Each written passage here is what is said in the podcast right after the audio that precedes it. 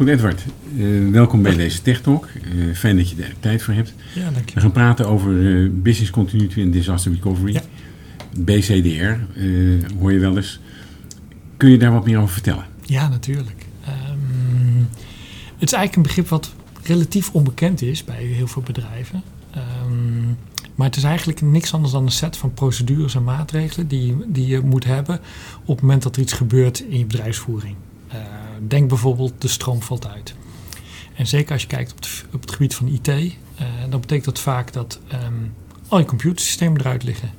En gezien de afhankelijkheid tegenwoordig van, van, van informatie, wat gedigitaliseerd is, um, betekent dat je eigenlijk je bedrijfsvoering stopt. Nou, daar moet je ja. op kunnen anticiperen. Dus okay. die hele methodiek, uh, dat behelst het hele woord BCDR, of althans de afkorting BCDR. Oké, ja, wat, wat, ik wel interessant vind, je vertelt dit en dan denk je, ja god, Bauhaus die heeft er heel veel kennis over. Ja. En die kan je erin helpen, maar ieder bedrijf heeft het toch gewoon, gewoon geregeld? Was het zomaar. Um, het gek is namelijk dat heel veel mensen, als ze het hebben over bijvoorbeeld zoiets als informatiebeveiliging, denken ze bij, bijna eigenlijk standaard alleen maar aan cybersecurity. Zo van ik word aangevallen. Ja. Terwijl de simpele dingen van. Uh, uh, ze zijn vaak niet zich bewust van de risico's die kunnen ontstaan in de normale gang van zaken. Um, kun, kun, je misschien een voorbeeld geven uit de praktijk? Uh, ja. Um, wat ik net al zei, bijvoorbeeld zoiets als, als stroomvoorziening. Um, heel vaak heb je in een datacenter, als dat nog gewoon binnen het bedrijf is, wel een noodstroomvoorziening. Maar is bijvoorbeeld nooit getest hoe lang die noodstroomvoorziening doet. Dus als dat maar bijvoorbeeld na een uur is die noodstroomvoorziening uh, valt ook uit, ja, dan zit je gewoon met gebakken peren. Want vaak lukt het niet om een hele datacenter af te schakelen uh, binnen een uur. Ja. Um, ander voorbeeld is dat uh, als je um, niet goed de rechten toedient aan de verschillende informatiesystemen en er gebeurt bijvoorbeeld iets, ja, bij wie moet je dan zijn voor wat af te schakelen of op te schakelen of dat soort dingen. Dus gewoon eigenlijk de, de basic dingen waar je vaak niet over nadenkt. Um, maar als die risico's zich voordoen, ja, dan weten vaak bedrijven niet zo goed wat ze moeten doen. Oké, okay, ja, dus dan gaan ze eigenlijk nog meer ad hoc aan de slag. Ja, reactief, een beetje ongecontroleerd. Ja, okay. Ik heb overigens een blaadje bij me om uh, een aantal toch vragen die uh, me bezighouden te kunnen stellen en niet ja, te vergeten. Nee, geen probleem. Um, ik, ik zat ook nog even, als je kijkt naar die, die, die business continuity en Ja. disaster recovery. Uh, als je, uh, hoe, hoe, hoe bewust zijn directies of managers van de risico's die er dan spelen? Uh, want veel zullen denken, god, het is wel geregeld. Um, ja, dat is eigenlijk de spijker op z'n kop. Ik kan je één voorbeeld geven. Dat was bij een bedrijf waar ik ooit gewerkt heb.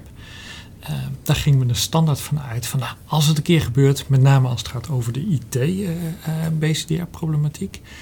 ja, er is ons verteld dat we binnen acht uur up en running was. Nou, in dit geval was er nog een datacenter, ouderwets, weet je, op het bedrijf zelf. Maar er hing een springelinstallatie boven. Toen had ik aan een van die IT-jongens gevraagd van, joh, wat gebeurt er als ik mijn aansteker eronder hou? Ja, uh, 80 liter per minuut komt eruit. Ik zei met die spullen die eronder hangen.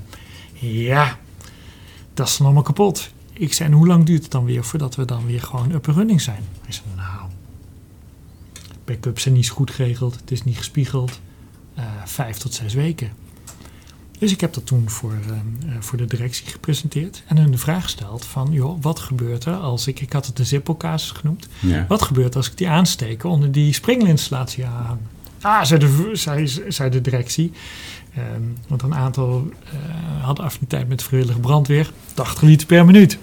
Ik zeg wel, maar wat gebeurt er eigenlijk met die IT-omgeving? Ja. Nou, zei de CFO. Uh, er is mij verteld dat we dan weer binnen 8 uur op een running zijn. Ik zei, heb je dat ooit getest? Nou, toen was het even stil. Um, en toen vroeg de CEO, maar Edward, wat is dan het werkelijke antwoord? Ik zei, 5 tot 6 weken. Nou, hij trok lijkbleek weg. Hij zei, dan zijn we failliet. Dus dat geeft denk ik wel aan ja. uh, um, hoe belangrijk het is om je bewust te zijn van wat het betekent. Ja. En een kleine kenttekening, bijvoorbeeld, je hebt bijvoorbeeld in de chemische industrie, um, daar hebben ze het altijd over safety first. Dus die weten precies wat gedaan moet worden als bijvoorbeeld een chemische batchreactie uh, misgaat. Dan hebben ze van die grote flares, gaan ze afvakkelen. Dus daar zijn alle draaiboeken, uh, die liggen wat te doen in, in, ja, in het geval van calamiteiten. Ja.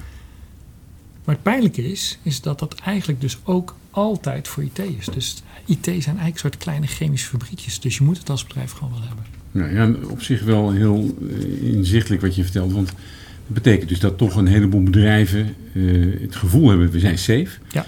En het uiteindelijk toch niet zijn. Klopt. En je zegt, nou misschien moet je dat ontdekken dan door te testen. Uh, kan Bauhaus daarbij helpen om dat te ontdekken? En, en, ja.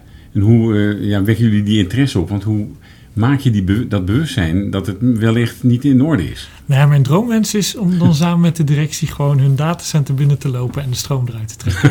Oké. Okay. Uh, dat is nog altijd mijn droom, want ik heb het eigenlijk nog nooit gedurfd. Uh, maar ik denk dat het begint in ieder geval om management, met name senior management en directies, um, in te laten zien dat ze onbekwaam zijn op dat gebied. En niet vanuit een negatieve context, maar dat ze het bewustzijn niet hebben. Dus zeg maar uh, um, onbewust. Nou, als je ze bekwaam onbewust kan maken, dan kan je ze ook leren om gewoon wel bewust van zijn. En hoe Ja. ze die dingen moeten mitigeren.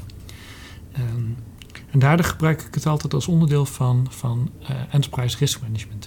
Ik bedoel, uiteindelijk het, het leiden van een bedrijf is gebaseerd op het mitigeren van risico's. Ja. Altijd je bewust zijn van welke risico's je loopt. Nou, op het moment dat je gewoon je ook bewust bent van de IT-risico's die je loopt, ja, dan snappen ze precies wat ze moeten doen. Ja. En ik denk dat daar de crux zit. Nou, wat kan Bouwers dan vervolgens doen?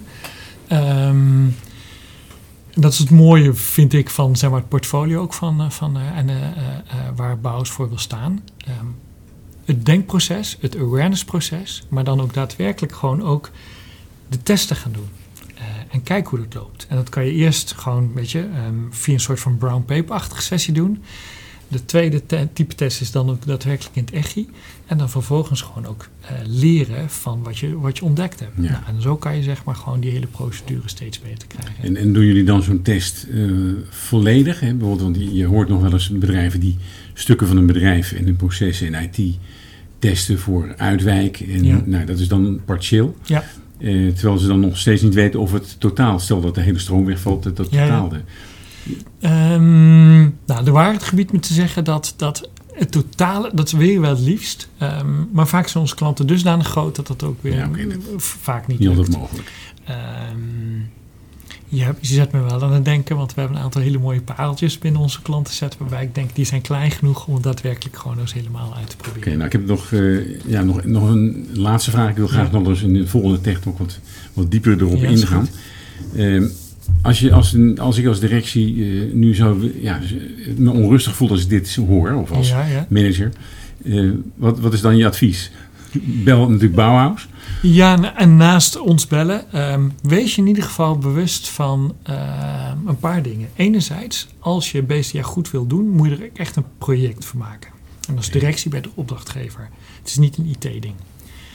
Ehm, een tweede aspect is, is dat je ook borgt dat het overgedragen wordt aan iemand die daar ook verantwoordelijk voor is. Maakt niet uit wie het is, maar als Ja. die persoon zich maar wel daadwerkelijk verantwoordelijk voor voelt. Het andere is, is dat je beseft dat BCDA niet gelijk is aan uh, cybercriminaliteit. Ja, ja, dat vertelde je in het begin ook al. Het, ja, het is echt onderdeel van informatiebeveiliging. En informatiebeveiliging is een van de dingen die onderdeel zijn van, uh, van enterprise risk management. Nee, goed, eh, En Edward, nog- ja. Mag ik nog één, Ja, maar eh, zeker. één, één en laatste dan ding? sluiten we af. Testen, testen, testen. Gewoon zo, ik bedoel, we praten Ja. te vaak. En dat is denk ik ook de filosofie van Bouwers. Um, maar je moet het gewoon doen. Ja, nou, dat spreekt me heel erg aan. Dus niet alleen denken, maar vooral ook doen. Ja. Nee, Edward, dankjewel voor, eh, voor je tijd. Ja, en we komen zeker een keertje over dit onderwerp terug. Helemaal goed. Dank je. Dank je. Dag.